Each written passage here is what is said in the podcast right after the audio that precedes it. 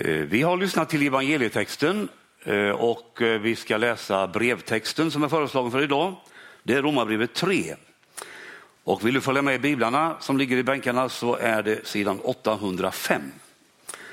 Romarbrevet 3, verserna 21 till och med 28, sidan 805. Vi står upp och lyssnar på bibelordet.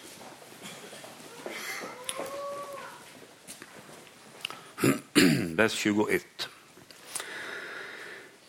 Men nu har Gud uppenbarat en rättfärdighet som inte beror av lagen, men som lagen och profeterna har vittnat om. En rättfärdighet från Gud genom tron på Jesus Kristus för alla dem som tror. Här görs ingen åtskillnad. Alla har syndat och gått miste om härligheten från Gud och utan att ha förtjänat det blir de rättfärdiga av hans nåd eftersom han har friköpt dem genom Kristus Jesus. Gud har låtit hans blod bli ett försoningsoffer för dem som tror. Så vill han visa sin rättfärdighet eftersom han förut hade lämnat synderna ostraffade under uppskovets tid.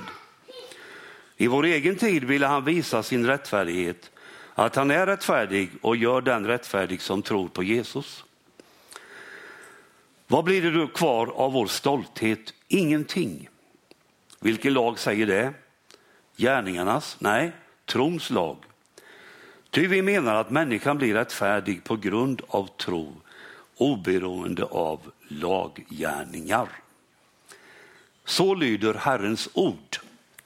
Amen. Varsågoda och sitt. Ja, vilken mick har jag? Den ja. Då viker vi undan den.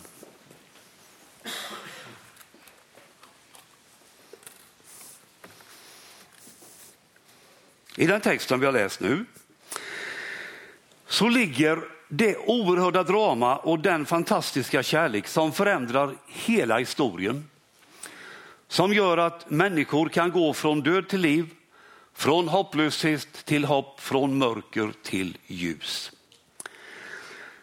Alltså ibland är det ju så med oss att vi blir så vana vid texterna så vi missar själva kraften i vad som står. När vi nu stannar till några minuter inför de här textorden så hoppas jag att vi ska få uppleva lite av kraften i de här verserna och beröras av den. Och vi ska heller inte glömma farisén och tullindrivaren som gick till templet för att be.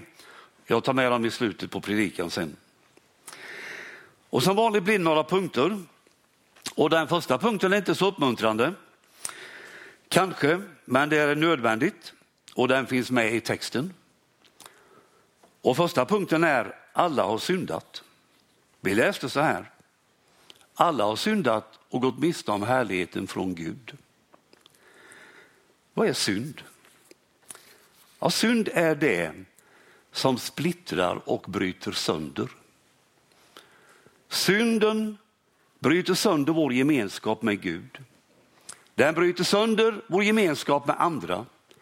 Den bryter sönder vår gemenskap med skapelsen och synden splittrar också mig själv. Syndens upphov är djävulen och ett av hans namn betyder just att han söndrar och splittrar. Undra på att synden slår sönder. Och hur vi än vänder och vrider på det hela så är vi alla smittade av de nedbrytande krafterna. Vi kommer aldrig ifrån det. Tidigare i Romarbrevet så har Paulus sagt att hela världen står med skuld inför Gud. Och där åker både judar och greker och romare med. Men inte bara dem. Utan här finns vi svenskar med. Och norrmän och danskar och tyskar och kineser och japaner och mexikanare och amerikaner. Ingen är utanför. Hela världen står med skuld inför Gud. Och i vår text läste vi, alla har syndat. Och här menas alla verkligen att alla är alla. Ibland kan vi säga så här att alla var på stan och då menar vi att det var många. Men här är alla alla. Alla har drabbats av denna fruktansvärda splittring. Alla har syndat. Och det är viktigt att Att våga bekänna sin synd och sin splittring som synd. I syndabekännelser som vi använder i gudstjänster vid nattvardsfirande här, så, det finns ju olika sådana, så har man ibland bytt ut ordet synd till ordet brustenhet. Det kan låta bra, men det är inte säkert det är samma sak. Det kan finnas brustenhet utan att det handlar om synd, tänker jag. Nej, synd är synd och splittrar vår gemenskap med Gud och gör att vi missar hans härlighet som vi läste. Det är första punkten. En mörk bild men sann. Och om vi bara ryckte loss den här bibelversen om att vi har syndat och saknar Guds härlighet och bara hade den och liksom att hålla i, då vore läget totalt hopplöst. Men det kommer en andra punkt som är en rättfärdighet från Gud. Om vi nu försöker komma ihåg att Paulus innan vår text har talat om mänsklighetens skuld inför Gud och att det inte finns någon som är rättfärdig och att ingen söker Gud. Då målar Paulus i de verserna upp en väldigt mörk bild. Men i vår text nu, vers 21, börjar något nytt. Och har du Bibeln framför dig nu så lägg märke till de första orden i vers 21. Det står men nu. Han har målat en jättedyster bild, men så skriver han men nu. Nu tar Paulus in något helt nytt. Han börjar tala om en rättfärdighet från Gud som vi får genom tron på Jesus. Där vi förut hade en hopplös situation genom synden, där vi var skilda från Gud. Där kommer nu Gud in. Och om du hänger med i bilden nu, ger oss nya kläder som är rättfärdighet som vi får ta på oss. Kläder som gör att min synd är förlåten och att jag på nytt har del av Guds härlighet. Och den processen innebär en helt ny, att vi får en helt ny position. Vi står inte under synden längre, vi står under rättfärdigheten. Och det är utifrån denna position, att vi är rättfärdiga, att vi är Guds barn. Det är utifrån den positionen som Gud jobbar med oss hela tiden och vill göra oss mer lika Jesus. Vi misslyckas gång på gång med det, men det påverkar inte vår position att vi är rättfärdiga inför Gud. Vi är hela tiden fast förankrade där. Sen är det naturligtvis så att vi ska stå till svars för hur vi har förvaltat våra liv, hur våra liv har sett ut. Men det rubbar inte vår position att vi är rättfärdiga och Guds barn. Lite längre fram i Romarbrevet skriver Paulus så här, befriande ord. Nu blir det alltså ingen fällande dom för de som tillhör Kristus Jesus, för de som finns här. Punkt tre. Grunden till rättfärdigheten. Att rättfärdigheten från Gud överhuvudtaget finns, det beror på Jesus. Jesus.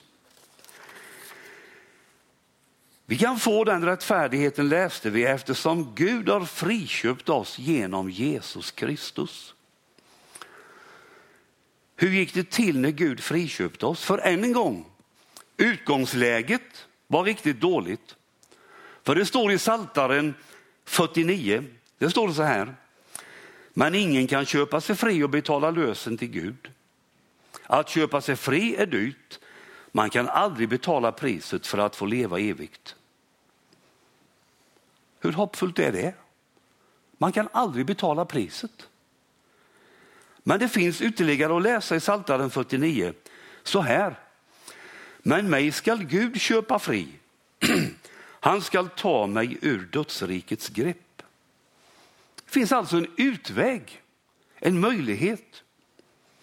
Men vem är det som vänder på det hela? Jo, det är Jesus. Så här står det i Romarbrevet. Kristus dog för oss medan vi ännu var syndare. Genom sin död på korset så har han tagit det fulla ansvaret för vår synd. Vi sa nyss, vi kan inte betala priset. Nej, det kan vi inte. men Jesus kunde. Och kom ihåg, priset är betalt. Det finns inget kvar att betala. Det är alltså på grund av Jesus det finns en rättfärdighet från Gud som kan bli vår.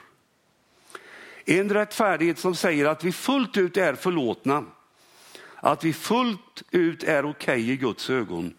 Jesus har gjort detta möjligt. Och det är utifrån detta som vi har en helt ny position. Än en gång, allt beror på Jesus.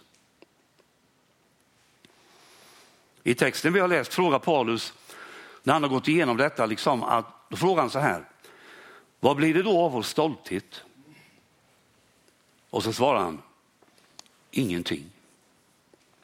I en annan översättning står det, men vad kan vi då berömma oss av? Och svaret är, allt beröm är uteslutet. Alltså, här kommer vi till en punkt då det är slut med allt skryt. Det finns ingen chans att ställa sig själv i centrum. För när det gäller rättfärdigheten från Gud, då beror det bara på Jesus. Fullt ut. Och när det beror på Jesus, då är det lika för alla. Paulus skrev i texten, här görs ingen åtskillnad. Rättfärdigheten får man genom tron på Jesus Kristus. Det är en gåva. Det är nåd.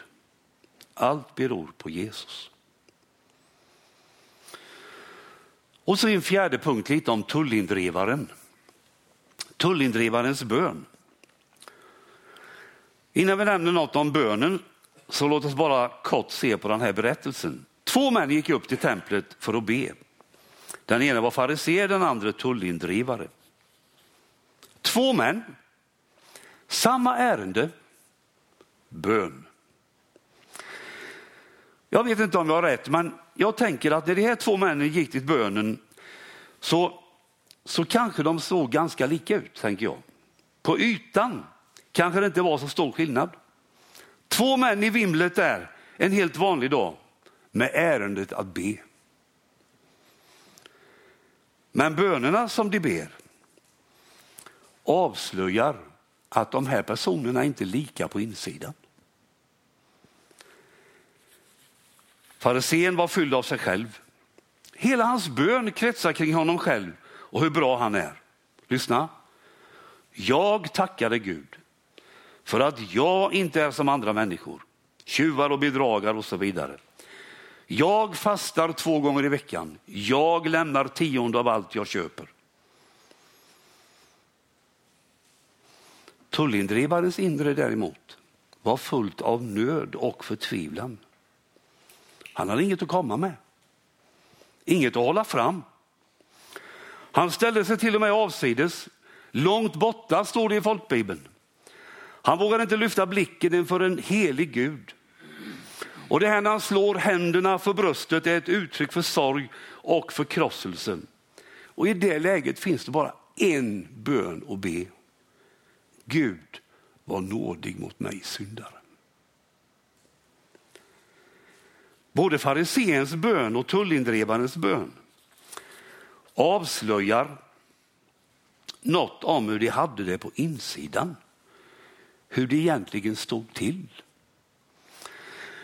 Och jag tror att det faktiskt fortfarande kan vara så att våra böner avslöjar något av vilka vi är. Handlar våra böner om egoistiska saker eller speglar de våran hunger efter Gud? Tullindrivarens bön var Gud var nådig mot mig syndare. Farisén som bad, han jämförde sig med tullindrivare, såg ner på honom, tackade Gud för att han inte var som han.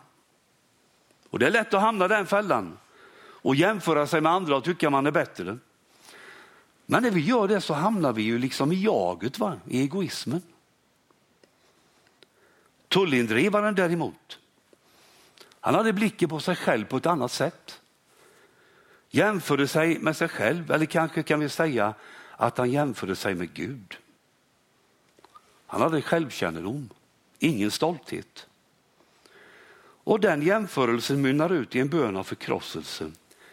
Gud var nådig mot mig syndare. När tullindrivaren såg sitt liv i Guds ljus så var det inte mycket annat att säga. När vi kommer inför Gud och låter hans ljus lysa in i våra liv, när våra motiv, halvsanningar, våra attityder och allt annat riktigt genomlyses av den helige, då tror inte jag vi har något annat att göra än att ropa Gud var nådig mot mig syndare. Tullindrivaren gick hem rättfärdig snarare än den andra läste vi. Båda två, farisén och tullindrivaren, kom till templet för att be. Tullindrivaren fick erfara nåden i sitt liv. Farisén var nära nåden. Oerhört nära nåden. Han hade bara behövt ta ett steg i sitt hjärta så hade båda gått hem rättfärdiga. Så nära är det till nåden och förlåtelsen och gudsgemenskapen. En liten gest i hjärtat är vad som behövs. En bön från hjärtat. Gud var nådig mot mig syndare. Och den bönen får vi be den här gudstjänsten var och en. Och när vi ber den med ett ärligt hjärta, då ska också vi erfara att vi går hem härifrån rättfärdiga. Gud var nådig mot mig syndare. Herre, helga oss genom sanningen. Ditt ord är sanning.